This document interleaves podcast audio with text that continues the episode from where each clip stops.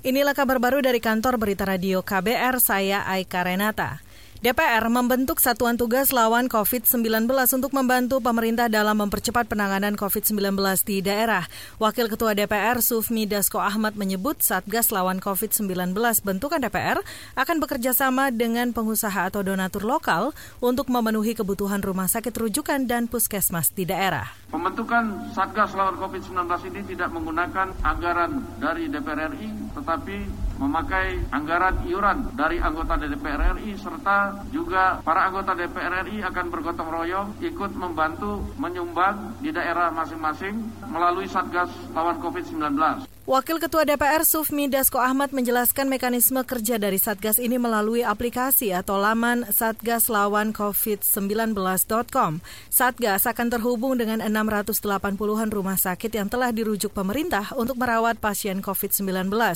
Dasko menambahkan Satgas lawan COVID-19 ini juga untuk memutus mata rantai birokrasi, sehingga bantuan segera disalurkan dan tepat sasaran. Kita beralih, Saudara Komisi Nasional Hak Asasi Manusia Komnas HAM setuju terkait sanksi bagi masyarakat yang mengindahkan jaga jarak sosial dan fisik.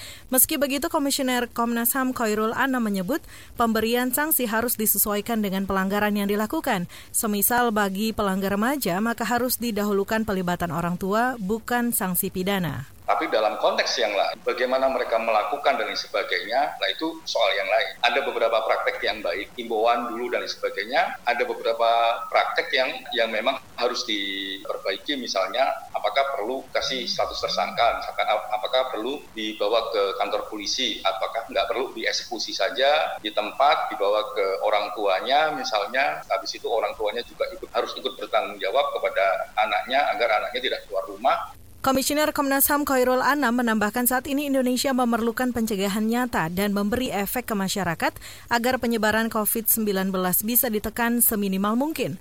Baru-baru ini, saudara, polisi menerapkan sanksi pidana bagi sejumlah orang yang berkerumun di pinggir jalan, padahal pembatasan sosial berskala besar PSBB belum diberlakukan.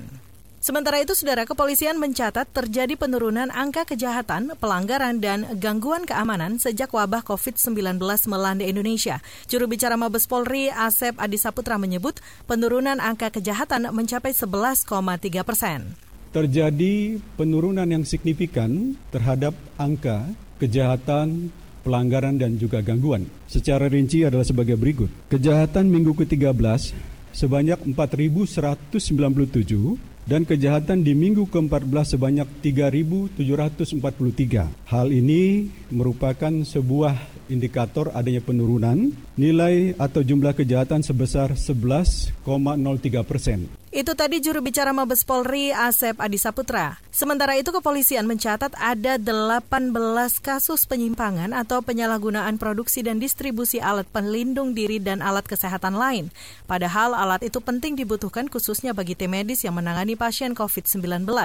Polisi menyebut pelaku menggunakan modus menimbun, memainkan harga, menghalangi atau menghambat jalur distribusi APD dan alat kesehatan lain. Kesatu informasi dari mancanegara saudara Presiden Tiongkok Xi Jinping memperingatkan warganya terhadap resiko gelombang kedua pandemi virus corona.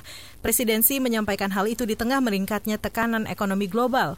Ia meminta para pejabat di Tiongkok berhati-hati mengawasi impor barang dari luar negeri untuk mencegah potensi gelombang kedua penularan virus corona dalam negeri. Sebelumnya, saudara Xi juga mendapat protes warga karena responnya cenderung lambat menghadapi pandemi yang kian meluas. Demikian kabar baru dari kantor Berita Radio KBR, saya Aika Renata.